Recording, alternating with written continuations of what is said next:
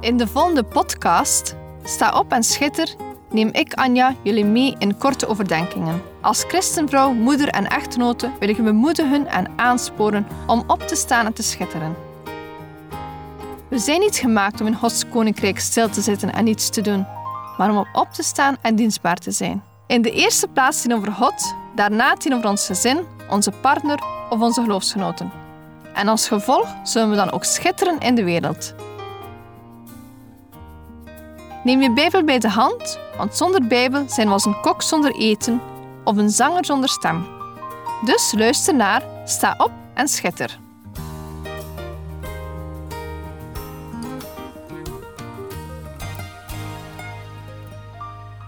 Het is zo'n drie maanden geleden dat we de sleutel van onze nieuwe woning kregen.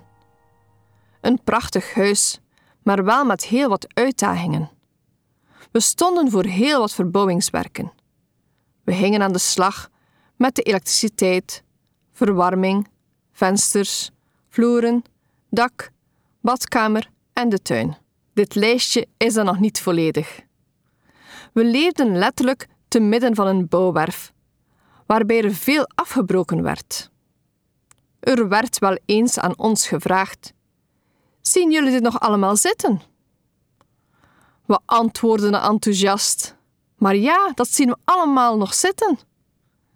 En dan waren er van die momenten, wanneer het stof tussen onze boterham lag, dat we ons afvroegen: Waar zijn we aan begonnen? We motiveerden ons door te kijken naar ons droombeeld van hoe het zou worden wanneer het af zou zijn. Een woning naar onze eigen smaak en mensen. Een woning waarin we mensen kunnen ontvangen en een echt thuis zouden maken. Ik vergelijk deze verbouwing met mijn christelijk geloof. We kochten het huis zeer enthousiast. Een nieuwe start. Zo was het ook bij mijn bekering. Ik was vol passie en vuur voor Jezus. Hij redde mij van mijn zonden. Ik kreeg er niet genoeg van en vertelde iedereen erover. Dan kwamen de uitdagingen, zoals de vele sloopwerken. Ja, ook in mijn geestelijk leven werd er veel gesloopt. Ik veranderde beetje per beetje tot een beter mens. Toen kwam de uitdaging in onze woning. Een aannemer vinden om een klein werkje te laten doen ook ons geduld werd op de proef gesteld. Bijvoorbeeld vensters die later geleverd werden dan wij hadden verwacht. We hadden tijdens de verbouwing heel wat uitdagingen. Zo is het ook met mijn christelijk leven gegaan. In het begin ging alles vlot. Ik kreeg zegen op zegen. God was zo goed voor mij. Toen kwam de harde realiteit. Jezus was soms stil geen gebedsverhoringen meer. En de zwaarste uitdaging in mijn christelijk leven was wel de teleurstellingen in christenen. Mijn verwachtingen van andere christenen waren zo hoog dat de teleurstelling in verhouding was. Ik hoorde onlangs een mooie beeldspraak over de christelijke groei en onze eigen verwachtingen. De spreker vergeleek onze bekering met de eerste stapjes die je maakt als kind. Vol vreugde staan mensen om je heen om je aan te moedigen. Aan de ene kant mama om je op te vangen en aan de andere kant papa. Je wordt door iedereen in de kamer bemoedigd. Wanneer de eerste stapjes alleen worden gezet, is er gejuich en er wordt in de handen geklapt. Zo is het ook met onze bekering. De christenen rond je zijn enthousiast en willen getuigen zijn van je bekering en je eerste stapjes. Ze staan naast je wanneer je gedoopt wordt en juichen en klappen in de handen. Ik herinner me nog goed mijn doop en de warmte en de vreugde die in de zaal hing. Ik krijg er kippenvel van als ik eraan terugdenk. Het verhaaltje en beeld van een kind gaat verder. Je kan het je waarschijnlijk niet meer herinneren, maar de tijd nadat je leerde stappen, hing je op verkenning. Er stonden dingen op de salontafel die in je oog sprongen. Je wilde het zien en voelen. Er volgden berispingen. Je zag hoe je ouders een bord op tafel legden en je was benieuwd wat er nog meer op die tafel lag. Je klom met veel moeite op een stoel en daarna op de tafel en opnieuw die berisping. Het enthousiasme van je ouders bij je eerste stapjes veranderde in berispingen, terwijl je nog steeds nieuwe dingen leerde. Ja, teleurstelling zal er zeker bij gehoord hebben. Vind je het ook herkenbaar in je christelijk leven?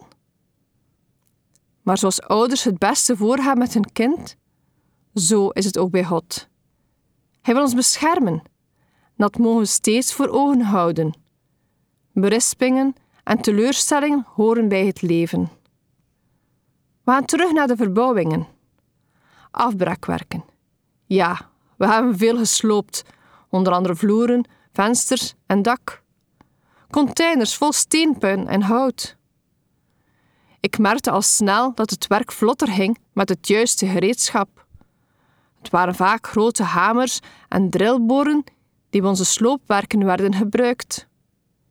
Bij afbraakwerken denk ik aan de tekst in 2 Korinthe 10, vers 4, waar staat: De wapens van onze strijd zijn immers niet vleeselijk, maar krachtig door God tot afbraak van bolwerken. Afbraak van bolwerken. Wat zijn nu die bolwerken? In vers 5 staat het antwoord. Want wij breken valse redeneringen af en elke hoogte die zich verheft tegen de kennis van God. En we nemen elke gedachte gevangenen om die te brengen tot de gehoorzaamheid aan Christus. Een bolwerk is dus een redenering die diep in je gedachten genesteld zit. De betekenis van het woord bolwerk is eigenlijk jezelf stevig vastklampen aan een standpunt. In dit Bijbelstuk gaat het over verkeerde bolwerken die Satan in je gedachten heeft. Satan doet niets liever dan leugens influisteren, totdat we ze zelf geloven.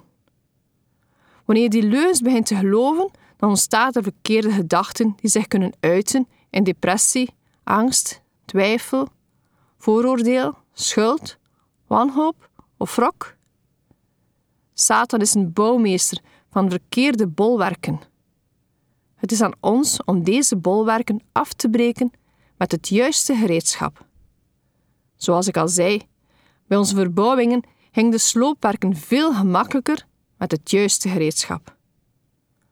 God geeft ons ook het juiste gereedschap om bolwerken af te breken. We hebben ons net al gelezen in vers 4. De wapens van onze strijd zijn immers niet vleeselijk, maar krachtig door God. Het is door Gods kracht dat we deze bolwerken kunnen afbreken, want we moeten de strijd heeslijk zien. In vers 5 hebben we gelezen: Want wij breken valse redeneringen af en elke hoogte die zich verheft tegen de kennis van God.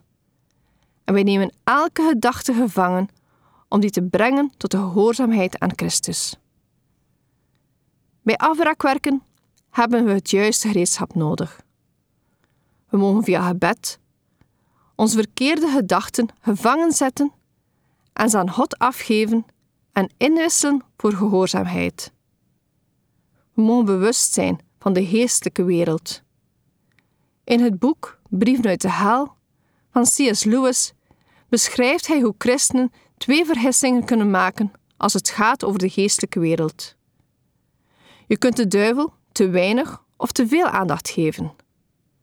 Daarmee bedoelt Lewis dat het een gevaar is als we te klein denken over de duivel. Over de duivel wordt snel wat lacherig gedaan. Denk maar aan het rood figuurtje met een drietand in de hand. Een ander gevaar is dat je de duivel te veel aandacht geeft. Dan zie je alles in het leven als onderdeel van een geestelijke strijd. Als het dus gaat over afbreken van bolwerken, neem dan het juiste evenwicht. Satan is aan het werk in mensen, maar ook niet alles is Satan zijn schuld. Als ik een terugblik neem naar onze verbouwingswerken, dan zie ik dat er al veel gebeurd is. Het kostte ons ook veel energie en tijd. Zo is dat ook met ons geestelijk leven. Als we willen groeien, dan moeten we tijd investeren om onze Bijbel te lezen en tijd spenderen met God. Onze verbouwingswerken zijn nog niet af en zo ook mijn geestelijke groei niet. Wanneer ik terugblik op mijn geestelijke groei, dan zie ik hoe wonderlijk het allemaal in zijn werk is gegaan. Jezus was zo genadevol en snoeide mij beetje bij beetje. Ik ben naast de verbouwingswerken ook veel bezig geweest met geestelijke gezond zijn. Ik stelde mezelf de vragen: hoe zit ik in elkaar en wat zijn mijn valkuilen? Wat zijn ongezonde en zondige patronen en hoe kan ik die veranderen? Na mezelf te toetsen, kon ik met blijdschap zien hoe God mij veranderd had. Zoals de werken aan een woning nooit af zijn, zo is het ook met mijn leven. Ik groei nog iedere dag in mijn geestelijk leven en de strijd met mijn oude ik vermindert, maar is nooit 100% weg. We mogen steeds streven naar beter en zo is het ook gegaan in onze verbouwingswerken. Iedere stap die we hierin zetten was om ons huis beter te maken. En als we het even niet meer zagen zitten, keken we vooruit naar hoe het zal worden. Filippenzen 3, versen 12 tot en 14 lezen we: Niet dat ik het al verkregen heb of al volmaakt ben, maar ik jaag ernaar om het ook te grijpen. Daartoe ben ik ook door Christus Jezus gegrepen. Broeders, ik zelf denk niet dat ik gegrepen heb, maar één ding doe ik. Vergetend wat achter is, mij uitstrekkend naar wat voor is, jaag ik naar het doel de prijs van de roeping van God, die van boven is, in Christus Jezus. Paulus beschrijft hier dat hij naar verlangt om meer op Jezus te lijken, maar dat hij het doel nog niet bereikt heeft. Hij focust zich op de toekomst. Ook wij mogen dit doen. Ik wil je aanmoedigen om je leven te bekijken als een verbouwingswerk. Het zal nooit af zijn, maar we mogen er wel aan werken en blijven uitzien naar het perfecte beeld met Jezus als voorbeeld. Ondertussen, sta op en schitter. Deze podcast kun je steeds opnieuw beluisteren via de website en app van twr.be. Als je deze aflevering leuk vond en je wilt de podcast helpen ondersteunen, deel hem dan met anderen. Heb je gebed nodig of wil je reageren op deze uitzending? Zend dan gerust een mailtje naar anja@ twr.be. Bedankt voor het luisteren.